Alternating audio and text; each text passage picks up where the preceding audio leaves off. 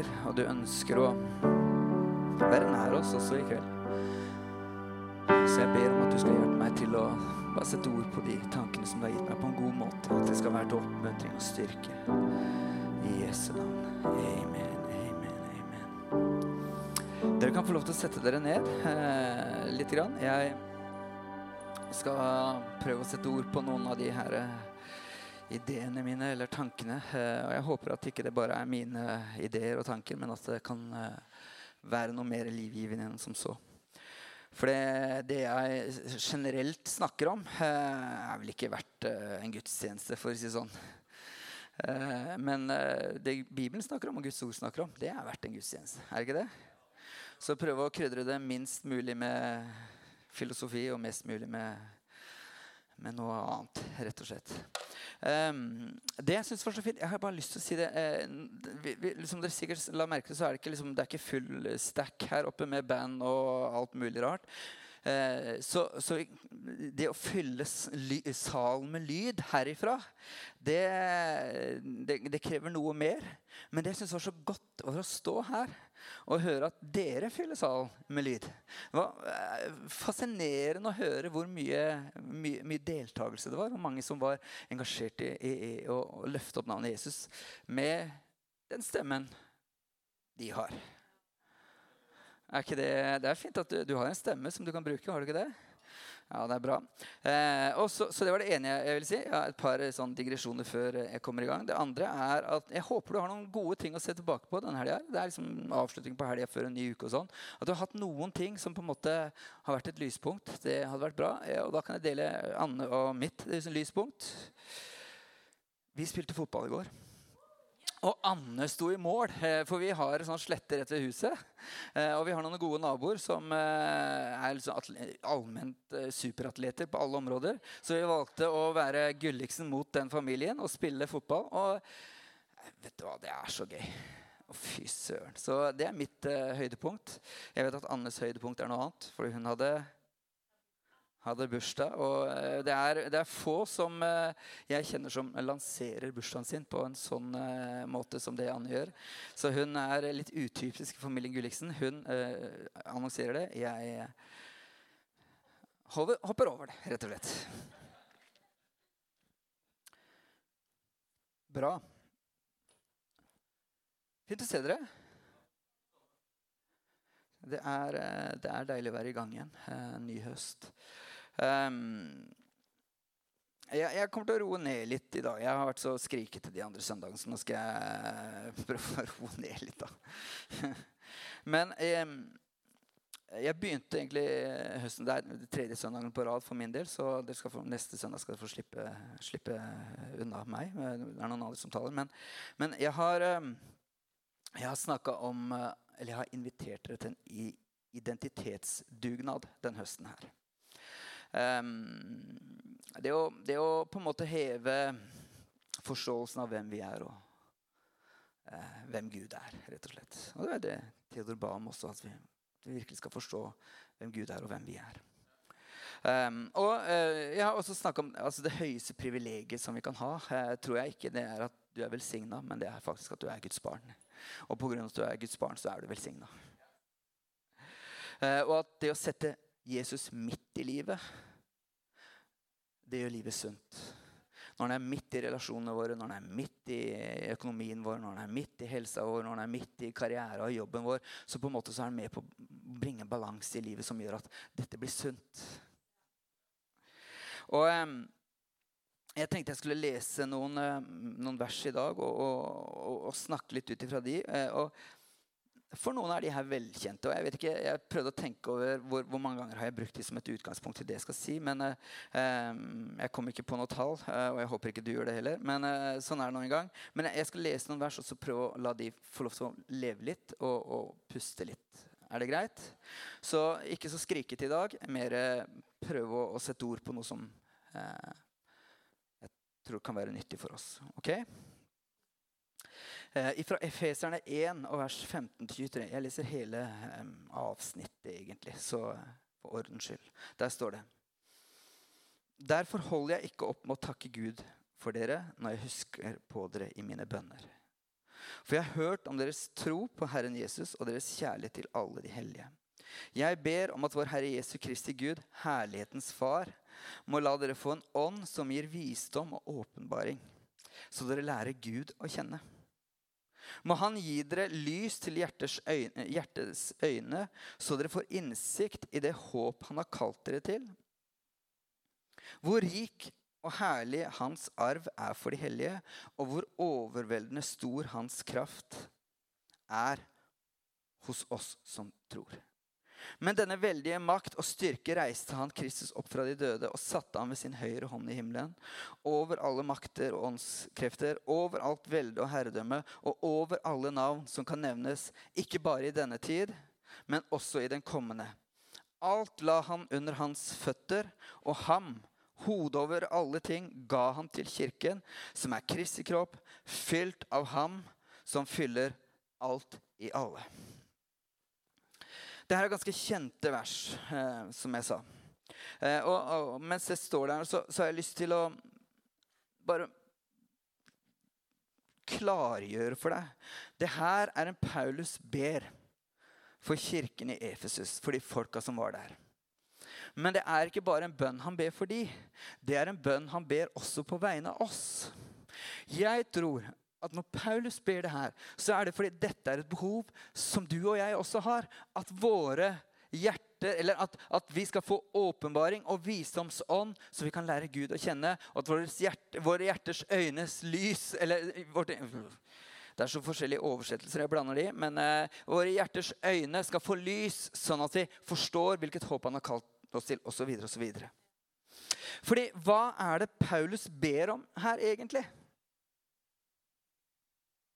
Hva ber Paulus om? For det første syns jeg han er så takknemlig for folka. Og det er liksom bare så godt. Han er takknemlig for folka. Jeg er glad i dere, folkens. Og jeg, ber, jeg ønsker dere det beste. Og han sier, 'Jeg ber' Det første punktet hvis jeg skal si at han, Det er fire områder han ber for. Det første punktet er Jeg ber om at vår Herre Jesu Kristi Gud, herlighetens Far, må la dere få en ånd som gir visdom og åpenbaring, sier han. Jeg skal ikke gå inn på hva visdom og åpenbaring er, i så stor grad. Men hva er det han vil at vi skal få visdom og åpenbaring om? Jo, han vil at vi skal få det sånn at vi lærer Gud å kjenne. At vi forstår hvem han er, hva han er i stand til. Hva, hva, hvordan du kan stole på han, hvor trofast og pålitelig han er. Hvilke gaver han har å komme med, hva han er i stand til. Det er det han, han, han ønsker at vi skal, vi skal, forstå. Og nummer to på en måte i, i, i den bønnen han har, sier han Og må dere få deres hjerte, eller må han gi dere lys til hjerters øyne, så dere får innsikt i det håpet han har kalt dere til. Så med andre ord, han sier, jeg, jeg, jeg ber om at dere skal lære Gud å kjenne, og så ber jeg om at dere skal få innsikt eller forståelse av hvilket håp han har kalt oss til. Altså hvilken framtid som ligger der. Hvilket evig håp vi har i vente. Altså Han har kjøpt oss fri fra all skam, all fordømmelse, all straff, all, all, alt det vonde som på en måte måtte komme oss i, i møte. Og sier han, jeg har kjøpt dere fri fra det og gitt dere et evig håp, et evig liv, en, e, en framtid sammen med meg som bare er god. Og jeg tror du og jeg trenger å oppdage det i litt større grad. Jeg vet ikke, det, jeg snakker for meg sjøl, da. Så får dere vurdere hvor dere er der sjøl.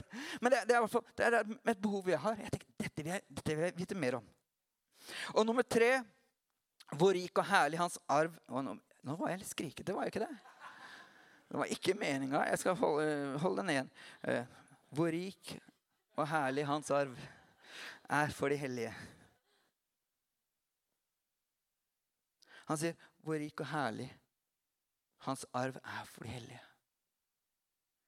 Og når han skal beskrive den arven, han sier at vi har fått noe. Altså, vi har arva noe. Så, så, De ordene han bruker for å beskrive, han sier 'rik og herlig'. Så han sier at vi har fått noe, og det er ikke bare noen smågreier, men det er rikt. Og det er herlig. Og hva er det han har gitt oss? Og Vi har vært inne på de tinga flere ganger, og du har hørt det sikkert til du ja, Jeg vet ikke hvor mange ganger du har hørt det. Det skal jeg ikke si. Men vi er Guds barn. Han har gitt oss glede. Han sier, 'Fred etterlater jeg dere'. Min fred gir jeg dere. Og han sier, 'Vet du hva? Vær ikke bekymra for livet'. Hedningen i verden søker etter hva de skal spise og drikke osv. Men vær ikke bekymra, fordi dere har en far i himmelen som vet at dere trenger alt dette. Så søk først Guds rike, så skal dere få alt det andre i tillegg. Han snakker om helse. Han sier det. Ved hans sår har vi fått legedom. Altså Når Jesus ble korsfesta, så, så, vet jeg at det, det, er vanskelig å sette seg inn i, det er vanskelig å gripe. Men i det så handler det også om fysisk helbredelse. Det handler om at han, han bryr seg om hvordan vi har det til ånd, sjel og kropp. Han snakker om relasjoner, hvordan han ønsker å bringe fred i relasjoner. Han sier at korset var ikke bare for å bringe fred mellom Gud og mennesker, men det var for å bringe fred mellom mennesker også. Så du kan si Alle disse tinga har vi arva i det Jesus gjorde for oss og ga, og ga oss. Og nummer fire det er hvor overveldende hans kraft er for oss som tror. Han sier at Igjen så bruker han ganske store superlativer. Han sier hvor overveldende stor hans kraft er for oss som tror. Altså Det er noe overveldende ved det. Og så bruker han Jesus som en eh, forklaring på hvordan den krafta er. Jo, den kraft som reiste Jesus opp fra de døde, den kraften er virksom for deg og meg. Nå. Så han snakker om alle de tingene her som er egentlig er for store til å forstå. Det er derfor han ber Å, Nå skal jeg ikke gå videre. da. Søren heller, nå ble jeg skriket igjen. Men, men, men det er derfor han ber den bønnen, at dette skal gå opp for oss. Men så har jeg lyst til å si jeg tror ikke det er tilfeldig. Den rekkefølgen han nevner de bønneevnene. For det starter med å lære Gud å kjenne. Han sier, 'Jeg ber om at du skal få vise meg åpenbaring sånn at dere lærer Gud å kjenne'. Jeg tror det er sånn at når vi snakker om identitet og hvem vi er, og hva vi kan gjøre, og hva vi kan få til, og osv., så, videre, så, videre, så starter det med Han. Det starter Det handler ikke om selvrealisering. Det handler ikke om å pumpe seg opp og bli noe eller få til noe. Det handler ikke om positiv tenkning. Det handler om hvem han er, hva han har gjort, og hva han kan tale til deg og forandre deg og gi deg. Og la meg gjenta meg sjøl litt her, da. Når vi sier at vi er Guds barn, eller barn av hvem som helst altså Theodor og Frida, våre barn altså Når de sier at de er en Gulliksen Det som definerer hva de er, eller hva, hva, hva, hva de er i Hva de har rett på, det er jo hvem foreldrene er. Og Sånn er det i Guds rike. Og når vi snakker om at vi er Guds barn, så er det ikke så viktig hvem barna er. Men det som er det viktige, er hvem er faren? Hva er det han er i stand til? Hva er det han kan få til? Og hvilke ressurser er det han har tilgjengelig for deg og meg? Er dere med på tanken? Og En annen ting som jeg synes er så fascinerende Vi snakker om i Kristus. Efeserbrevet snakker om 'i Kristus' og eh, 'i ham'-realiteter. Men da vil jeg også stille spørsmålet Fokuset i Kristus er jo han. Hva vi er, er jo et resultat av hvem han er. Så når det er i ham-realitetene, så på en måte, så er vi bare vi er freeloaders. Vi er på en måte, vi henger på i det han er. Så det viktige her er jo egentlig å finne ut hvem han er. Sånn at det kan prege i større grad hvem vi er. Er jeg på jordet her nå? Altså jeg tenker det her, vi, vi, lever i et så selvsentrert, egoistisk samfunn, så jeg tror vi må våkne opp og tenke at kirken handler om hvem han er. Hva han kan få til. Og så får vi henge oss på det her i så stor grad som mulig. Fordi han har evnen og muligheten til å kunne forandre oss til å bli det han vil at vi skal være. Ok, nei, uh, igjen, sorry, jeg skriker til her, også, Men, men, men Eh, en fun fact. Altså, jeg har, jeg har en pulsklokke, eller pulsmåling på klokka. Og den måler intensitetsminutter. Og du kan se, Jeg fikk en melding her, jeg tok bilde av det. Det er at restitusjonstiden min må, må utvides fordi jeg, har, fordi jeg, har, hatt uvanlig høy aktivitet i dag. Og jeg har ikke gjort noen ting. Jeg har bare sittet og lest de greiene her.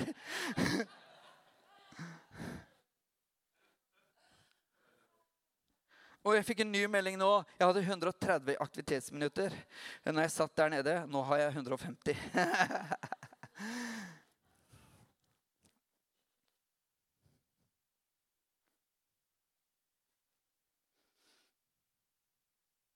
Er det greit at jeg bruker litt tid på det greiene her?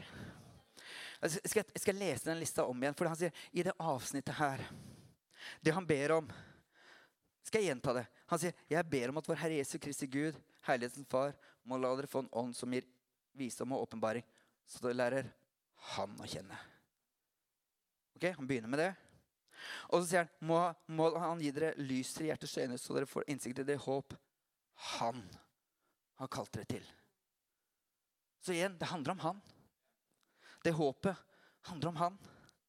Og nummer tre, hvor rik og herlig Hans arv er for oss som tror. Igjen han, ikke sant? Og nummer fire hvor overveldende stor hans kraft er.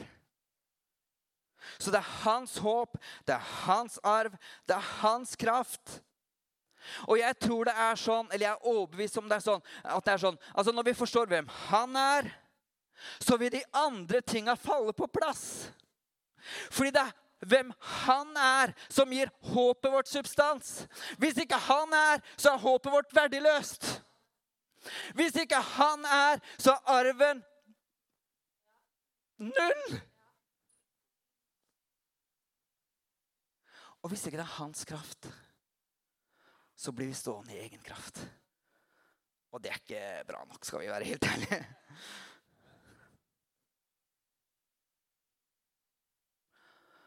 Gud er den som gir identiteten vår, gavene våre, arven vår, substans. Det gir det innhold. Og når vi lærer Han å kjenne, så oppdager vi mer av hvem vi er. Vi skal lese noe, noe annet i Paulus han eh, fortsetter, Det er Paulus som sier det her. Og, og Paulus sier noe i Filipperne 3 og vers 7-11. Jeg leste bare deler av det forrige søndag, men jeg har lyst til å lese det om igjen. Og der står det. Men det som før var en vinning for meg, det regner jeg nå for Kristus skyld som tap. Ja, jeg regner alt som tap fordi det å kjenne Kristus Jesus, min Herre, er så mye mer verdt. For hans skyld har jeg tapt alt. Og alt jeg har tapt, regner jeg som verdiløs skrap. Bare jeg kan vinne Kristus og bli funnet i ham.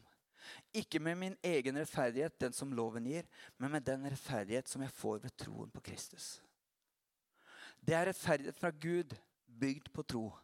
Da kjenner jeg ham og kraften av hans oppstandelse, får del i hans lidelse og blir lik når jeg dør som han. Måtte jeg bare nå fram til oppstandelsen fra de døde. For meg kan det se ut som om Paulus har gjort, det å kjenne Gud til første pri i livet sitt. Han sier sånn som her Det å kjenne Kristus, det er så mye mer verdt.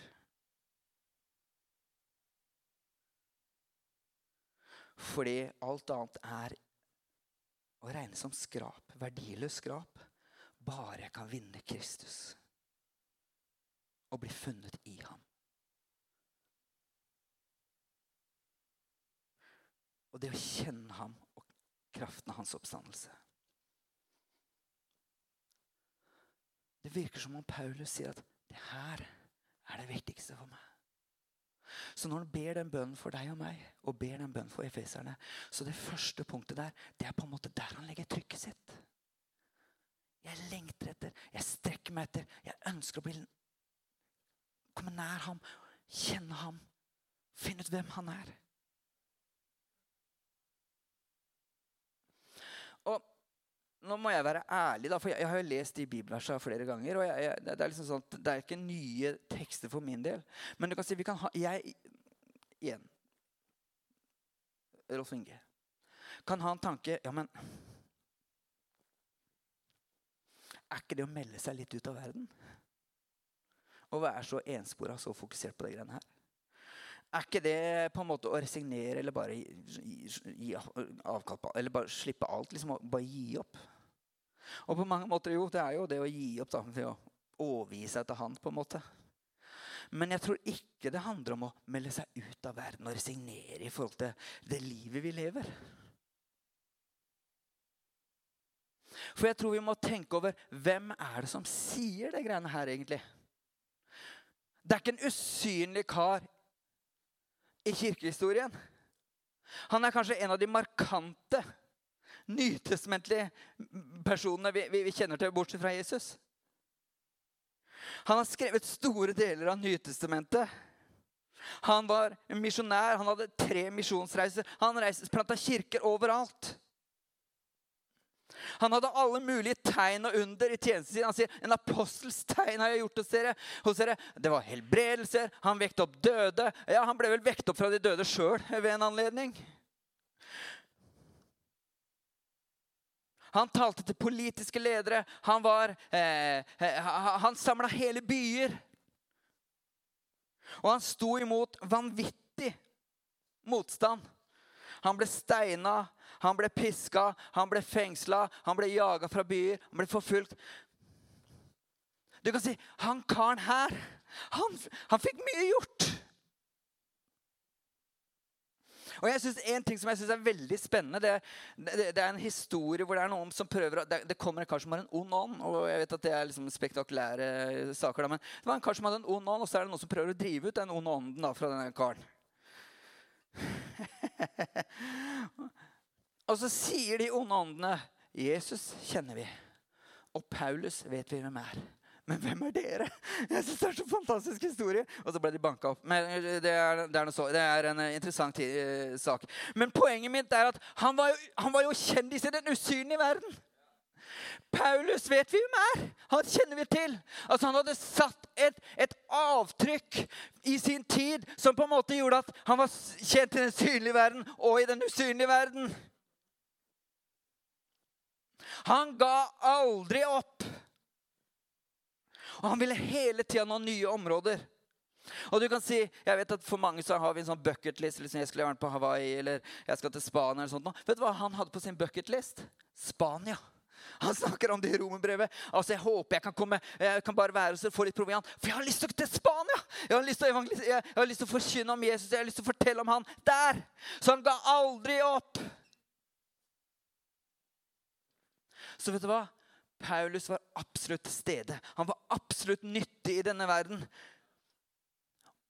Og jeg tror kilden, årsaken til krafta hans og, og, og, utholdenheten hans og alt det han hadde, det kommer nettopp i det at vet du hva, jeg, jeg lengter etter å bli kjent med Gud. Jeg lengter, at, jeg lengter at han skal få lov til å prege meg. Jeg, lengter, jeg vil bare bli kjent med han. Altså, legger, alt annet er bare støy. Jeg vil, ha, jeg vil at han skal få lov til å prege livet mitt. Og du kan sjekke hva han sier om åpenbaring. Altså Hvis du leser Paulus sine brever, så kan du finne det ut sjøl. Men, men, han er veldig tydelig på at vet du hva? tre ganger så har jeg til syn av Jesus. Tre ganger har jeg møtt han. Og jeg har hørt usigelige ord. altså og jeg, jeg, blir forfulgt. Jeg, blir, jeg, blir, jeg, har fått et frimerke av fienden virker det som, pga. de overmåte høye åpenbaringene jeg har. Så det var noe ved karen som gjorde at andre fløyt så bra som de gjorde. Og vet du hvor vendepunktet var? Vendepunktet var Det kommer opp på skjermen i Apostelens hjerne, kapittel 9. Der står det Saulus eller Paulus raste fremdeles mot Herrens disipler og truet dem på livet. Han gikk til øverstepresten og ba om brev til synagogen i Damaskus for å kunne finne dem som tilhørte veien, eller de som var troende der. Både menn og kvinner, og føre dem i lenker til Jerusalem. Underveis da han nærmet seg Damaskus, strålte plutselig lys fra himmelen omkring ham. Han falt i jorden, hørte en stemme som sa, 'Saul, Saul, hvorfor forfølger du meg?' Hvem er du, Herre? svarte Saul. Hvem er du, Herre? Det greske ordet brukt er Kyrios. Det, er, det handler om han. I det øyeblikket så skjønte han her har jeg med noe, noe mer å gjøre. Og så svarer Jesus. Jeg er Jesus, han som du forfølger. Reis deg nå og gå inn til byen. Der vil noen si deg hva du skal gjøre.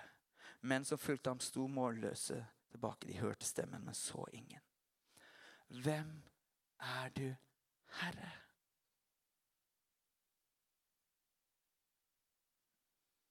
Du kan si han var bibelsprengt på Gammeltestamentet. Han var ivrig til å følge loven. Det var derfor han hadde det brevet i lomma om å forfølge de kristne. Fordi de var en trussel mot troen.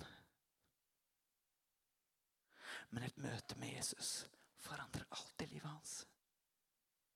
Et møte med Jesus snur opp ned på alt han har tenkt. Og Du kan lese bare noen vers videre.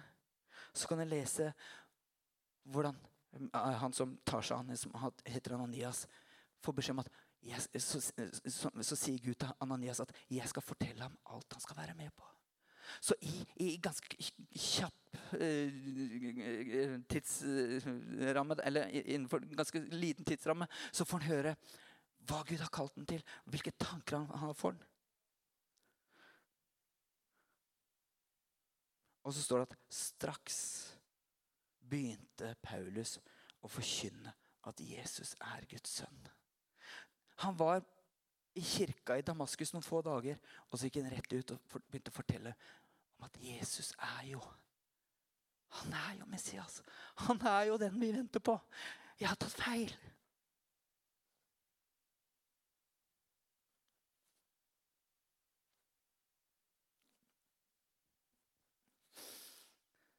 Poenget mitt med å si det jeg sier nå, det springer ut ifra efeserne.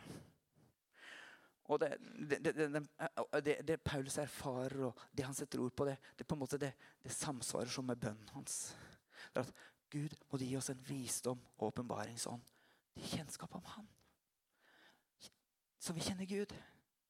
Fordi når Han på en måte, når vi, når, når, I fellesskap med Han, når vi lærer Han å kjenne, så vil de andre tinga De vil falle på plass. Det vil gi substans til håpet. Det vil, det vil gi substans til arven. Det vil gi kraft til livet vårt.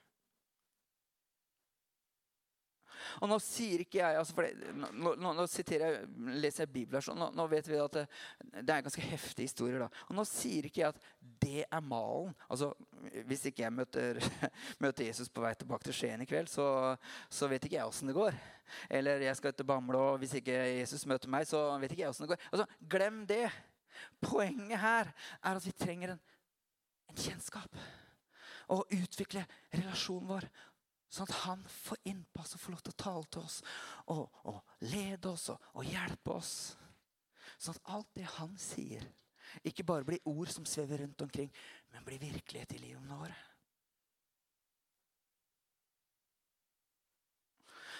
Og, og, jeg, jeg, kunne, jeg, kunne, gitt deg mange historier på det her, og jeg skal ikke gjøre det. Sjekk Bibelen. Sjekk de folka som Jesus brukte, de han møtte. Hva skjedde? Før de møtte eh, Jesus, så de gjorde de sitt beste.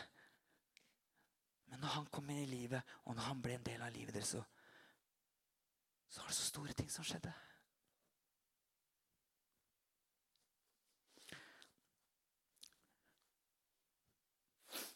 Du kan kanskje definere identitet som altså, eh, hvem du er. Altså, det dannes av faktaene i livet ditt. Jeg er en Gulliksen. Jeg er fra Porsgrunn. Eller det er jeg faktisk ikke. Jeg er fra Notodden. Vokste opp i Men se på meg som en porsgrunnsgutt. Jeg har en hel del feil og mangler som jeg på en måte ergrer meg over i min historie. Jeg har de tinga som jeg har fått til, kanskje. Og så danner det et bilde av hvem jeg er. Det er faktaene i livet. Og jeg vet ikke hvilke fakta som er i livet ditt. Noen kan si jeg er plaga, jeg har en helsegreie. Altså, mange ting som, som, som definerer oss. Men jeg tror, jeg er overbevist om at når vi lærer Gud å kjenne, og lar Han få lov til å tale til oss, så vil Han komme med noen nye fakta. Han vil, han vil komme med noen nye fakta. Vet du hva? Du er rettferdig. Du er ønska. Du er elska. Du er velsigna. Jeg er der for å forsørge deg og passe på deg. Jeg er han som verner om deg og, og vokter om deg.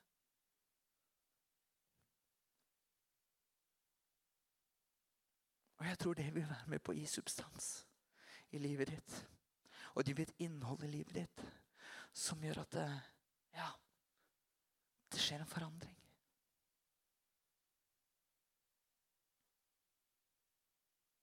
Og det er sånn Abraham Jeg vet ikke om dere kjenner til Abraham. Abraham ble kalt av Gud, han skulle bli far til mange, et stort folk. Men karen var jo barnløs og fikk ikke barn og strevde med de greiene her. Og det var faktaene i hans liv. Og så kommer Gud til henne og sier, vet du hva? Du skal ikke lenger hete Abraham. Du skal hete Abraham. Fra Gud er stor til far til mange. Han endra faktaene i livet hans. Han endra faktaene i livet hans. Og saken er at vår utfordring er om vi vil ta det nye navnet. Om vi vil akseptere de nye faktaene eller ikke. Og holde fast ved de. Abraham måtte velge. Skal jeg la Sara kalle meg Abraham? Skal jeg virkelig la gjennomgå den smerten så lenge vi er barnløse og være far til mange? Og så valgte han å gjøre det.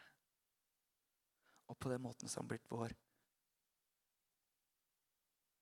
far i troen, på en måte. For vi kan ha samme tro som han. Tro at det Gud sier om oss, er sant. Tro at det han står for,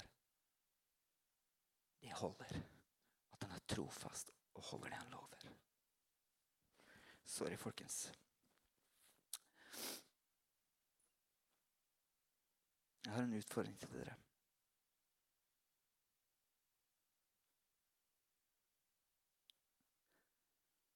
På telefonen din har jeg et notat som jeg bruker jevnlig.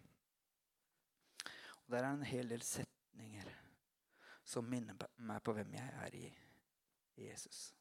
Hvem han har gjort, eller hvem jeg er på grunn av Jesus. Og der står liksom de tinga om jeg er hans elskede sønn. og alle de tingene. Jeg har fått Den hellige ånd, og det er kjempebra. Woohoo.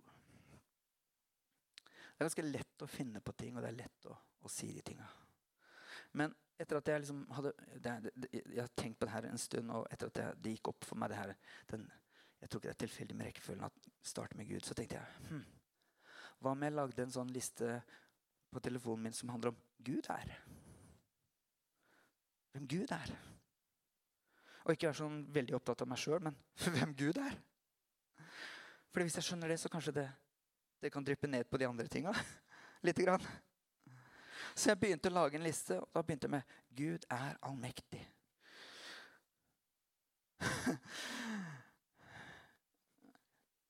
og så blir det litt sånn Ja, Gud det, det, det, er veldig stort, er det ikke det? det, er fryktelig stort. Så jeg, liksom, ja, jeg, skjønner, jeg, jeg skjønner jeg er inne på noe her, men men hva betyr det? Så jeg liksom prøvde å bli litt mer konkret. liksom sånn, uh, Jo, alt er mulig for deg. Igjen, liksom. Det er veldig stort fortsatt. Du har ingen begrensninger. Jo, jeg, jeg, jeg, Du skaper ved ditt ord, osv., osv. Og, og det gikk opp for meg at oi, oi, oi, dette er vanvittig stort. Det er så mye mer enn jeg kan gripe og fatte og forstå. Det er akkurat som jeg bare skraper i overflata. Her er det et eller annet. Det er noe her. Og vet du hva det som gikk opp for meg da? Eller Gud er evig. Heite, liksom. Jeg har nok med Jeg vet at døgnet har 24 timer, og jeg vet at jeg kommer til å leve noen år til, liksom. Men uh, evig Ja, du kan fundere på det sjøl. Men vet du hva det kom, gikk opp for meg? Aha. Jeg trenger hjelp. Jeg trenger hjelp. Jeg trenger vise opp åpenbaringsånd. Sånn at jeg kan lære han å kjenne. Så jeg ber den bønnen. Gud, åpenbar deg. Vis deg hvem du er. Hjelp meg å forstå noe mer av hvem du er. Jeg trenger deg. Du kan komme uh, der, vet du. Ja. Jeg trenger hjelp. Og så har jeg tenkt å gi noe å jobbe med. Så vi har sagt det flere ganger. Leser Bibelen. Jeg, jeg, jeg, leser Bibelen. Jeg, jeg, prøver å finne ut av Guds navn. Og jeg prøver å finne ut av hvem han er. Og, gi noe bibelvers, gi noe greier her som man kan jobbe med, som man kan åpenbare for meg. Eller se på Jesus, lese evangeliene og finne ut hva Jesus han er det ypperste bildet av Gud. Så vi skal forstå hvem Gud er, så se på Jesus. Så jeg, liksom, jeg, jeg, jeg er inne i, i, den verden, liksom kikker på de tingene her. Og så skal, jeg fortsatt å lage den lista da, over hvem Gud er. Og det er en liste som er under utvikling, skal jeg si dere.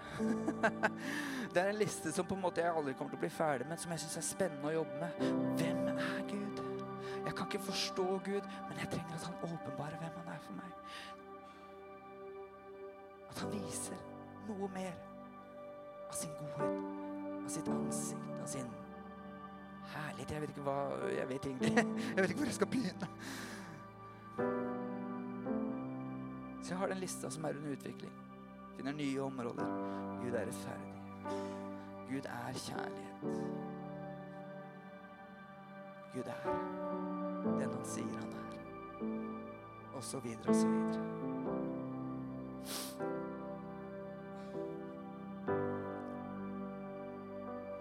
Og så tror jeg det vil dyppe over på den i ham-lista som du eventuelt måtte ha. Det vil forsterke. og hjelpe den lista. Jeg takker deg, far, for din godhet, Herre. Og så takker jeg deg fordi du, du er her nå. Jeg ber om at du skal hjelpe oss. Jeg ber en bønn for oss nå, Herre. Du skal gi oss visdom, visdom og åpenbaring, sånn, så vi lærer deg å kjenne. At du skal droppe ned noen tanker, eller Gi oss noen bilder, eller Jeg vet ikke hvordan du har den. Bare Jeg ønsker deg velkommen til å virke.